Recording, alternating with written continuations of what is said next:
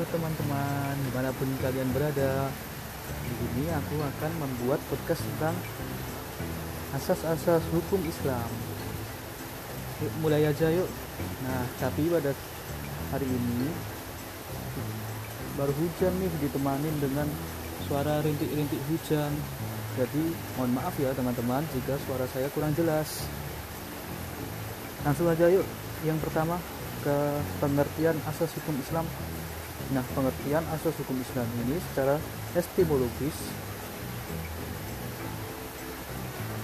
berasal dari kata asas yang ber yang berasal dari kata berbahasa Arab. Asas yang berarti fundamental bangunan asal pangkal dasar asas dan dasar alasan. Nah kemudian jika dalam KBBI sendiri Kata asas diartikan sebagai dasar atau sesuatu yang menjadi tumpuan berpikir atau berpendapat. Yang kedua adalah hukum dasar, yang ketiga, yang ketiga adalah dasar cita-cita. Nah, jika kata asas ini dihubungkan dengan kata hukum, maka terbentuklah menjadi kata asas hukum. Yang dimaksud adalah dasar yang menjadi tumpuan berpikir atau berpendapat dalam penegakan dan pelaksanaan hukum. Asas hukum Islam merupakan rujukan atau dasar pijakan untuk mengembalikan segala permasalahan yang terkait dengan hukum Islam. Asas hukum Islam dapat ditemukan dari kedua sumber pokok hukum Islam. Tentu saja teman-teman tahu kan apa itu asas pokok hukum Islam? Yaitu Al-Quran dan Sunnah ditambah dengan sumber pemikiran para ulama melalui istihad. Nah, apa itu asas umum hukum Islam? Asas umum hukum Islam merupakan asas-asas hukum Islam yang meliputi semua kajian atau ruang lingkup hukum Islam secara umum. Secara umum, asas hukum Islam ini dibagi menjadi tiga, yaitu yang pertama adalah apa? As asas yang pertama adalah asas. Asas adalah keadilan atau pemerataan adalah penerapan prinsip keadilan dalam bidang muamalah yang bertujuan agar harta tidak hanya dikuasai oleh segelintir orang saja, tetapi didistribusikan secara merata di antara masyarakat, baik kaya maupun miskin. Dengan dasar tujuan ini, maka dibuatlah seperti hukum zakat, sodakoh, infak. Yang kedua adalah asas kepastian hukum. Nah, asas kepastian hukum ini menurut ketentuan Al-Quran sendiri sudah dijelaskan bahwa suatu perbuatan tidak dapat dikenai sanksi hukum kecuali jika ada ketentuan perundang-undangan yang ada terlebih dahulu dibandingkan perbuatan itu. Asas ini adalah asas yang sangat penting dalam hukum Islam dan dapat dijadikan dasar dalam mengukur suatu keadilan serta menjamin suatu kepastian hukum. Ketiga adalah apa? Asas kemanfaatan. Asas ini asas yang mengiri, as, mengiringi asas keadilan dan asas kepastian hukum. Kemanfaatan selalu menjadi bahan pertimbangan dalam melaksanakan suatu keadilan dan kepastian hukum. Perintah dan larangan hukum. Islam berakibat pada konsekuensi pahala dan hukuman dalam menjatuhkan hukuman mati terhadap seorang pembunuh dapat mempertimbangkan kemanfaatan penjatuhan hukuman itu bagi terdakwa sendiri dan bagi masyarakat. Yuk lanjut teman-teman. Tiga adalah asas hukum pidana Islam. Asas legalitas adalah asas yang menyatakan bahwa tidak ada pelanggaran dan tidak ada hukuman sebelum ada undang-undang yang mengaturnya.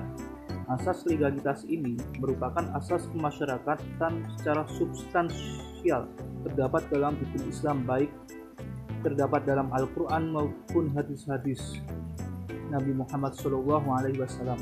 Hukum Islam menyatakan bahwa dalam penetapan tidak pidana harus ada hak yang melarang perbuatan tersebut dan mengancam hukuman terhadapnya. Adanya hak-hak yang melarang dan mengancam hukuman terhadap suatu perbuatan itu tidak cukup untuk menghukum setiap setiap perbuatan. Tetapi ada syarat lain bagi orang yang melakukan perbuatan terlarang, terlarang ini supaya bisa dihukum. Selain mendasar Tanpa had atau aturan yang ditetapkan, asas legalitas dalam Islam juga mendasar pada kaidah umum yang merupakan aturan hukum umum dalam Islam.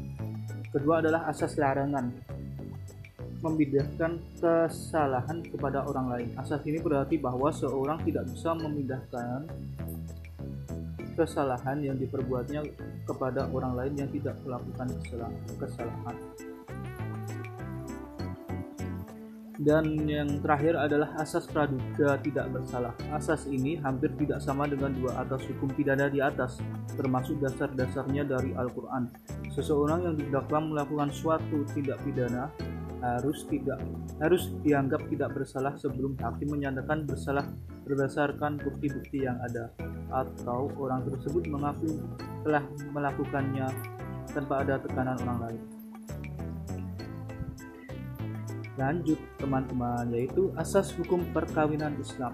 Nah dalam hukum perkawinan Islam ini berlaku beberapa asas yaitu satu asas kesukarelaan kedua asas persetujuan kedua belah pihak ketiga adalah asas kebebasan memilih pasangan hingga empat adalah asas kemitraan suami istri dan yang terakhir kelima adalah dan yang kelima adalah asas monogami terbuka monogami terbuka Selanjutnya dalam asas hukum kewarisan. Asas hukum waris ini bersumber dari Al-Quran dan Sunnah Nabi.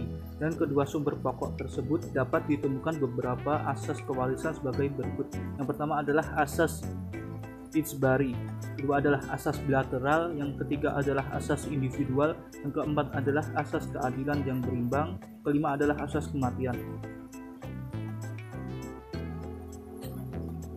Dan yang terakhir dalam asas-asas hukum Islam ini terdapat asas hukum muamalah.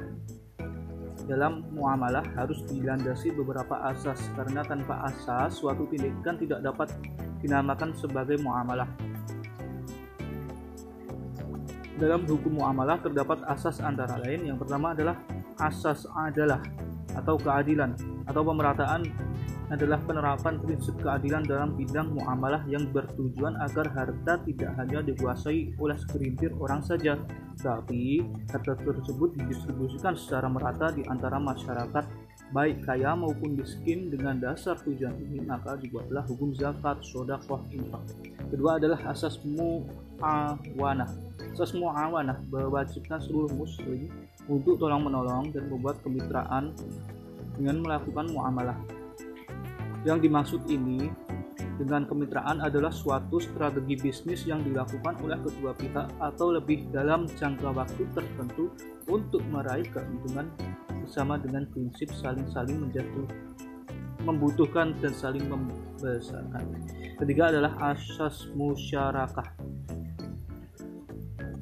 Nah, asas ini menghendaki bahwa setiap bentuk muamalah kerjasama antar belah pihak yang saling menguntungkan bukan saja bagi pihak mereka yang terlibat, tetapi bagi keseluruhan masyarakat.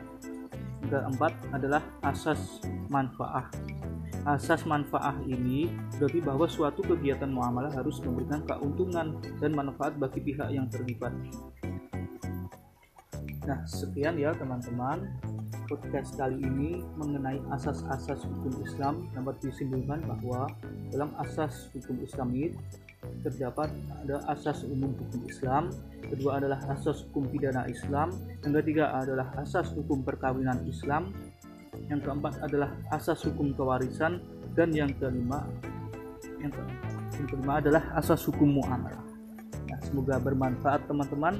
Wabillahi taufiq wal hidayah. Assalamualaikum warahmatullahi wabarakatuh.